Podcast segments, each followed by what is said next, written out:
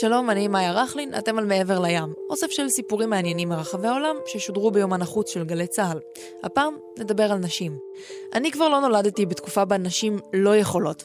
בכל פרסומת למוצרי היגיינה נשית כבר אומרים בפה מלא We can do it, אנחנו יכולות לסחוב דברים כבדים, אנחנו יכולות לשחק כדורסל, אפילו מסוגלות להנהיג מדינות. ועדיין הדילמה הנצחית של משפחה מול עבודה ממשיכה לרדוף נשים, שהיום ייתקלו במבטים שופטים גם אם הן בוחרות להישאר בבית, וגם אם הן בוחרות להתרכז בקריירה. התפיסה המחשבתית הזאת לא משתנה ולא משתפרת, גם לא בעולם מלא בדמויות נשיות וחזקות. אחת מהן, אנגלה מרקל, מכהנת כבר בפעם הרביעית בתור קאנצלרית גרמניה. ב-2015 היא ציינה עשור בתפקיד. אצל אנגלה מרקל דבר אינו מפתיע, לא הלבוש הקבוע, לא התסרוקת המלווה אותה שנים, ובטח לא העובדה שהיא כבר עשר שנים בשלטון. מרקל אוחזת בהגה 3,656 ימים, ונדמה שאף אחד לא ירים גבה אם גם תכפיל את הזמן הזה. erzählte mir jemand von einem Kurden, der heute Deutscher ist. Vor vielen Jahren sei er aus dem Irak geflohen, unter sehr schwierigen Bedingungen, unter Lebensgefahr. Er habe gesagt, das Wichtigste sei für ihn in Deutschland, dass seine Kinder hier ohne Furcht aufwachsen könnten. Das ist vielleicht das größte Kompliment, das man unserem Land machen kann. הדברים האלה מתמצתים את השקפת עולמה של מרקל. מישהו סיפר לי על כורדי שברח מעיראק וקיבל אזרחות גרמנית, היא מסבירה. הוא אמר שהדבר החשוב ביותר בגרמניה היא שילדיו יכולים לגדול כאן ללא פחד. זו המחמאה הגדולה ביותר שאפשר לתת למדינתנו, דבריה של מרקל.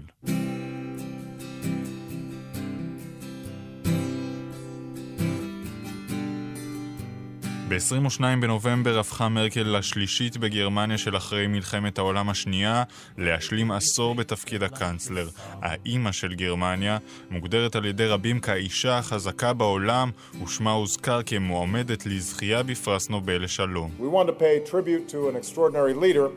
Who embodies these values and who's inspired millions around the world, including me. And that's my friend אנחנו רוצים לעשות כבוד למנהיגה יוצאת דופן בערך ברק אובמה בארוחת ערב חגיגית לפני כמה שנים. היא העניקה השראה למיליונים, כולל אותי.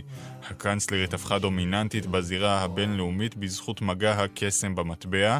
אמנם את הכלכלה הגרמנית הצליחו לשקם מנהיגים רבים בעבר, אך מרקל עשתה זאת בזמן המשבר הכלכלי והצעידה את מדינתה למקום הראשון בין כלכלות אירופה. היא הובילה ביד קשה את ההתמודדות עם קריסת גוש האירו שפרצה ביוון, והכינוי אימא קיבל את מימד המחנכת הקשוחה. Die Welt hat die Lektion der verheerenden Finanzkrise von 2008 noch nicht ausreichend gelernt. Doch nie wieder darf sich eine solche Verantwortungslosigkeit wie damals durchsetzen. העולם לא למד מספיק מהמשבר הכלכלי ב-2008, אסור לנו לאפשר חוסר אחריות נוסף כפי שהיה. הקנצלרית ייצרה מערכת מיסים חזקה בגרמניה, העלתה את גיל הפרישה וחשוב מכך, נמנעה מלקחת הלוואות חדשות לראשונה מאז שנת 69. אבל אולי הגדולה של מרקל טמונה בתוך גבולות גרמניה וביכולת שלה לשחוט פרות קדושות. מרקל סגרה את העקורים הגרעיניים הגרעיניים במדינתה, ולצד השינויים שעשתה בצבא, ערכה ביקור פתע לחיילים הגרמנים באפגניסטן. העם הגרמני הוא לא כזה שסוטה מהדרך, אך לעיתים הוא נכנס לשביל המוביל לתהום אנושית. מרקל הצליחה עד כה לשמר את ערכי החירות והשוויון, אבל כעת היא ניצבת בפני מבחן גדול עם זריחה מחודשת של שנאת זרים. כבר עשר שנים שהיא נשארת לעמוד לאחר כל קרב עקרוני או מעשי, עשר שנים, והשעון מתקתק. מרקל צמחה כמו שפוליטיקאית אמורה לצמוח, היא עבדה קשה כדי לשכנע את המצביעים שלה. דוגמה כמעט הפוכה אפשר למצוא אצל מנהיגה אחרת, אונג סן סוצ'י ממיינמר. כיום היא נתפסת כמנהיגה חלשה, נכנעת לאליטות הצבאיות, אבל כשעשתה את הדרך הכמעט בלתי אפשרית מהכלא לתפקיד מנהיגת מיינמר, רבים האמינו שהיא זו שתביא את השינוי.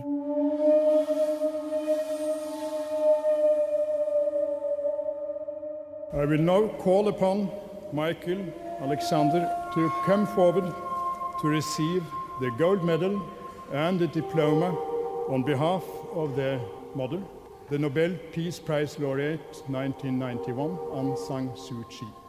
מול הטלוויזיה כשהיא במעצר בית צפתה אנג סאן סו צ'י ושני בניה מקבלים בשמה את פרס הנובל לשלום על מאבקה למען הדמוקרטיה במיינמר. רבע מאה מאוחר יותר, הכורסה הביתית הוחלפה במושב בפרלמנט. משם מתכוונת סו צ'י להוביל את הדמוקרטיזציה של מיינמר.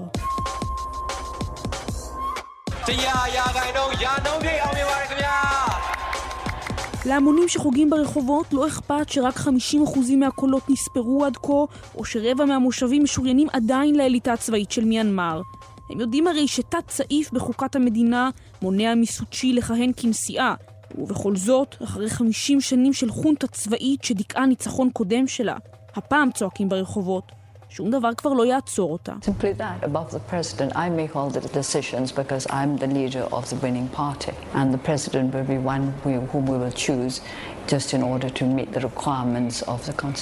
אהיה מעל הנשיא, מתייחסת אונג סאן סוצ'י לחוקה המגבילה אותה ומוסיפה, אני אקבל את כל ההחלטות משום שאני מנהיגת המפלגה המנצחת. ובאמת בפופולריות של המפלגה שלה, ה-NLD, אי אפשר להתווכח. ה-NLD, הליגה הלאומית לדמוקרטיה, זכתה לפי הערכות בקרוב ל-90% מהקולות, נישאים כמעט לחלוטין, על דמותה של סוצ'י המוצגת כמעין גלגול בודהיסטי של נלסון מנדלה. I want to thank you, Dawan Yang Suu Kyi, for uh, the power of your example, which has been inspiration to people all around the world, including myself. It's a great pleasure and profound honor for me to welcome To Aung San Suu Kyi. In a few moments, we'll present Ms. Suu Kyi with the Congressional Gold Medal. אונג סון סו צ'י, שגדלה בכלל בבריטניה, רואה את גנדי כאביה הרוחני. אביה הביולוגי הוא הגנרל אונג סאן, אדריכל העצמאות של מיינמר, אז בורמה. From Burmese General Yu Aung San, head of his country's delegation to Britain, our reporter was given this uncompromising message. Burma's future may be in this man's hands. עד היום, כמעט בכל בית במיינמר ניתן למצוא דיוקן של אבי האומה, הגנרל אונג סאן. לכן, אולי לא מפתיע שתומכי ביתו מכנים אותה בפשטות אמא. אמא סו חייבת לנצח, היא פשוט חייבת לנצח, כך אמרה בהתרגשות תומכת אחת. אחר הוסיף, הגעתי לכאן כי אני אוהב אותה, היא האדם הטוב ביותר בעם כולו. אמא אונג סאן אולי רצתה להביא את הבשורה הדמוקרטית, אבל אם נשפוט לפי הרטוריקה הזו, או התמונות שלה שמתנוססות בכל פינה במיינמר, ייתכן ובוחריה מעוניינים יותר בדיקטטורית נאורה. Whether or not this process is irreversible will depend on the reversibility of certain mindsets on both sides of the divide.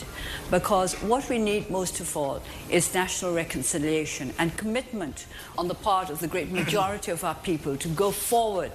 So it depends on the reversibility of mindsets, which is not an easy thing to do. השאלה אם תהליך הדמוקרטיזציה של מיינמר הוא בלתי הפיך, תלוי קודם כל ביכולת של העם לשנות את התודעה שלו, סיפרה בריאיון אנג סאן סו צ'י והוסיפה, אנו זקוקים לפיוס לאומי ולהתחייבות של רוב האומה להתקדם. כל שינוי, מסכמת, טמון בכך שהעם ישנה את תודעתו. שנתיים אחרי שנבחרה, מההבטחה הגדולה של סוצ'י לא נשאר כמעט דבר. עדויות על ממדי טבח שמתבצע במיעוט הרוהינגי המוסלמי במיינמר החלו לצוף, וסוצ'י, שאפילו זכתה בפרס נובל לשלום, עדיין שותקת. מצד אחד אנחנו רואים יותר ויותר נשים שעומדות בעמדות מפתח. מחקר שנעשה ב-36 מדינות מראה ש-24% מתפקידי הניהול הבכירים מאוישים על ידי נשים. נכון, זה, זה עוד לא קרוב לשוויון, אבל מדובר בעלייה משמעותית שאפשר לראות בשנים האחרונות. ועדיין מצד שני סיפורים על התעללות, סחר בנשים, נישואים בכפייה, מוצאים את עצמם שוב ושוב בכותרות. העדויות צפות, אבל לא רק ממדינות עולם שלישי, אלא גם במדינות מפותחות ומתקדמות ממנהיגות העולם המערבי.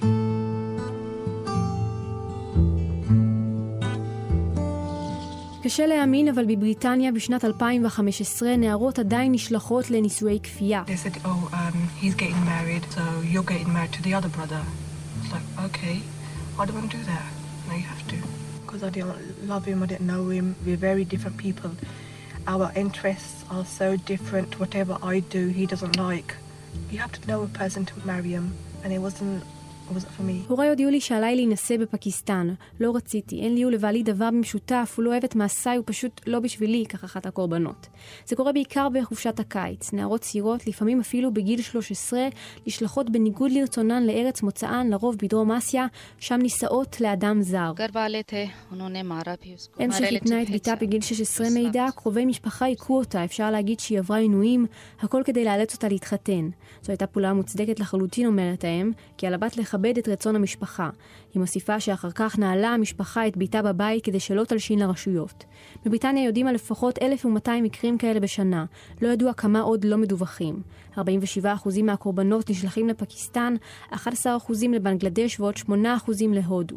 בני הקהילות מאסיה מסבירים שזה מנהג המושרש במורשתם.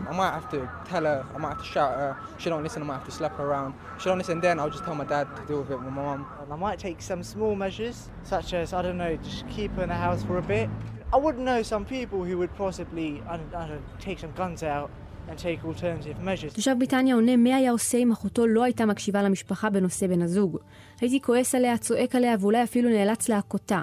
אם זה לא היה עוזר, הייתי מפנה את העניין לאבא שלנו. תושב אחר הוסיף, הייתי נוקט בצעדים קטנים, אולי הייתי משאיר אותה בבית לתקופה, אבל אני מכיר אנשים שאולי היו מסוגלים לשלוף אקדח. אבל עד כמה שזה נשמע אולי כמו כשל של תרבויות מסוימות, זה גם כישלון של הרשויות שאינן מצליחות לעצור את הפשע הזה ולהגן על הצעירות. Many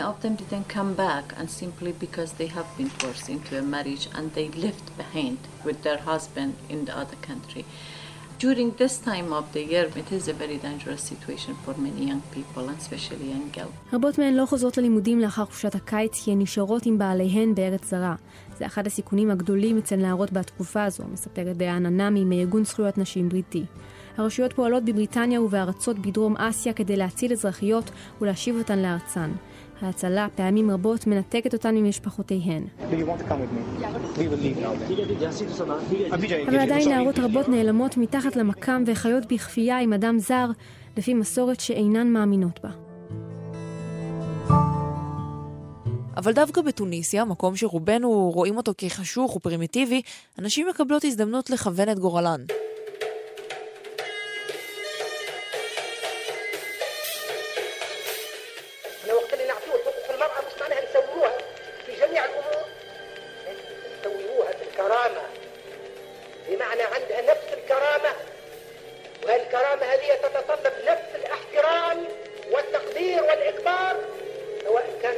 כשאנחנו נותנים לאישה את זכויותיה, זה לא אומר שהיא תהיה שווה בכל התחומים.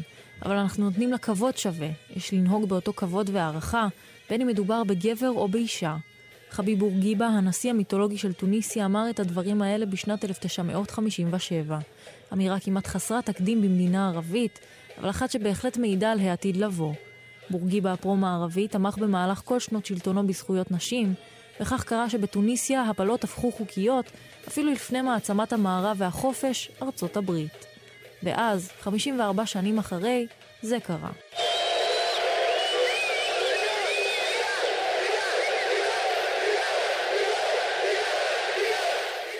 השנה היא 2010, האביב הערבי מתפוצץ בתוניסיה במה שמכונה היום מהפכת היסמין. המשטר הנוקשה מגיע לקיצו ואיתו גם היציבות. הקמתן של מפלגות חדשות, ביניהן גם מפלגות בעלות אופי דתי, ערערה את הבועה המוכרת של נשות טוניסיה, וכשהכול עמד להתפרק, אנשים החליטו להילחם. That uh, uh, moving, Tunisia, uh, political movements that weren't here before, and they, those movements are threatening uh, uh, women's rights. אני חושבת שאחרי המהפכה הזירה הפוליטית זזה הרבה בתוניסיה, סיפרה מפגינה טוניסאית. יש לנו הרבה תנועות פוליטיות חדשות שלא היו כאן בעבר, והן מאיימות על זכויות נשים.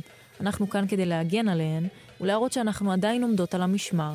והמאבק הצליח. השבוע אישר הפרלמנט התוניסאי שורה של חוקים שנחשבים לא פחות מפורצי דרך בשמירה על נשים במרחב הציבורי, אפילו בשביל המגדלור הפמיניסטי של העולם הערבי.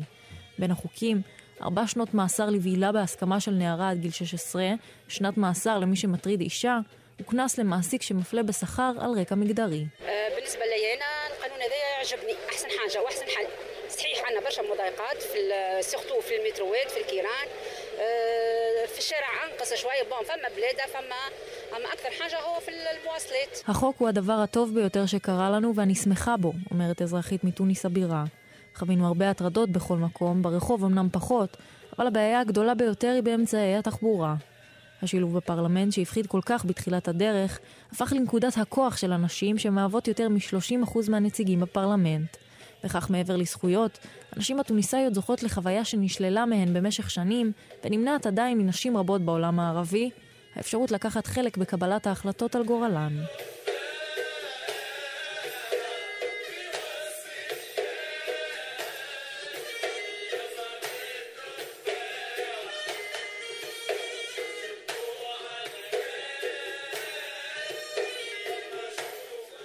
מהזכות להצביע דרך חופש התנועה ועד הזכות לבחור האם ללדת או לא, נשים צריכות להיאבק עבור כמעט כל דבר.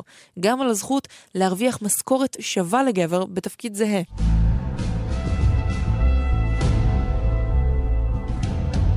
אחת הנשים החזקות ביותר על המסך הקטן כיום, ואולי אף החזקה שבהן, היא ללא ספק קלר אנדרווד, אשתו של נשיא ארצות הברית פרנק אנדרווד, בסדרה בית הקלפים. I'm done trying to win over people's hearts. Let's attack their We can work with fear. Yes, we can. כעת מתברר שמאחורי הדמות החזקה עומדת שחקנית חזקה לא פחות. רובין רייט, המגלמת את קלר, סיפרה בכנס בניו יורק כי נאלצה להיאבק על שוויון בשכר עם קווין ספייסי, האיש שמגלם את בעלה בסדרה, נשיא ארצות הברית. רייט אמרה כי יש מעט מאוד יצירות בטלוויזיה ובקולנוע בהן הגבר והאישה שווים, אבל כך זה בבית הקלפים. מי שמתמצא מעט בסדרה יודע שאנדרווד האישה לא רק משתווה לאנדרווד הגבר, אלא לפעמים גם מתעלה עליו. If we can't show some respect for one brave man and still accomplish what we set out to do, then I'm disappointed in both of us. I should have never made you ambassador. I should have never made you president. ראיתי נתונים שמראים כי קלר אהודה אפילו יותר מפרנק, אז נאחזתי בזה, סיפרה רייט והוסיפה, אמרתי להם, כדאי שתשלמו לי כמו שאתם משלמים לקווין, או שאצא עם זה לציבור. גם מחוץ למסך, שני השחקנים מודעים ליחסי הכוחות המרתקים בין הדמויות. If you are a team, and you're an item and you have an agreement, which we do as Team Underwood, I do for you and you do for me. אם אתם צוות ויש לכם הסכם כמו שלנו יש כ-Team Underwood, אני עושה בשבילך ואתה עושה בשבילי, הסבירה רייט. הדברים שאמרה אתמול רק מחזקים את התנועה שהחלה בשנה האחרונה, עם חשיפת תלוש השכר של השחקנית ג'ניפר לורנס בחלום אמריקאי, בהשוואה לשחקנים הגברים בסרט. I felt like I had to say something, because we need to talk about it. On average, women are paid 21% less than men. We can ask for the same exact thing as a, that, that men do. We, we do get judged more. It's just something that is intrinsic. And um, I would love to see change. הרגשתי כאילו אני חייבת להגיד משהו כי אנחנו חייבות לדבר על זה. נשים מרוויחות בממוצע 21% פחות מגברים, אנחנו יכולות לבקש את אותו הדבר כמו שהם כבר מקבלים. אמרה לורנס והוסיפה, שופטים אותנו יותר ואני אשמח לראות שינוי. יותר ויותר שחקניות החלו להצטרף למחאה של לורנס, ביניהן מריל סטריפ ופטרישיה ארקט, שהתייחסה בנאום זכייתה בפרס שחקנית המשנה באוסקר בשנה שעברה לסוגיה הבוערת. It's our time to have wage equality once and for all and equal rights for women in the United States of America. כעת עם הידיעה על הצלחתה של רייט במאבקה, נראה שהקרקע הוכשרה עבור שוויון מלא בהוליווד, גם אם זה ייקח עוד זמן. בכל זאת, מדובר בגברת הראשונה של ארצות הברית. רובין ריי דיברה על פערי השכר באמצע 2016, אבל שנה לאחר מכן הסתבר שבהוליווד עדיין שוכנת תיבת פנדורה גדולה בהרבה. הטרדות מיניות בתעשיית הבידור. קמפיין חוצה היבשות התחיל בשורת עדויות נגד המפיק הוותיק הרווי ויינסטין, ולא פסח גם על מי ששיחק לצד רובין רייט בבית הקלפים, קווין ספייסי. לתופעה הזו הוצמד ההאשטג MeToo. נשים נעמדות ומשתפות, גם אני הוטרדתי. אין הרבה במשותף למי שחי בקונגו ובקנדה, וקשה גם למצוא קווים דומים בין שווייץ לג'ונגלים של בוליביה, אבל בכל העולם אפשר לראות איזשהו חוט מקשר, והוא אתגרים שלנו כנשים. הסיפורים שהשמענו כאן היום הם רק חלק קטן מאלו המתרחשים סביבנו. מאבקן של נשים לשוויון לובש צורה שונה ומתבטא בדרכים שונות, אך השאיפה נשארת זהה. אתם הייתם על מעבר לים, תודה רבה לשיר הנאות וסיון רדל. את הסיפורים ששמענו הביאו תאו וייס, עופרי אשל, נועם דהן, קוראל יעקבי ואיתמר קציר. חפשו אותנו באתר גל"צ, ביישומון גל"צ גלגלצ ובאפליקציית הפודקאסטים הקרובה לביתכם.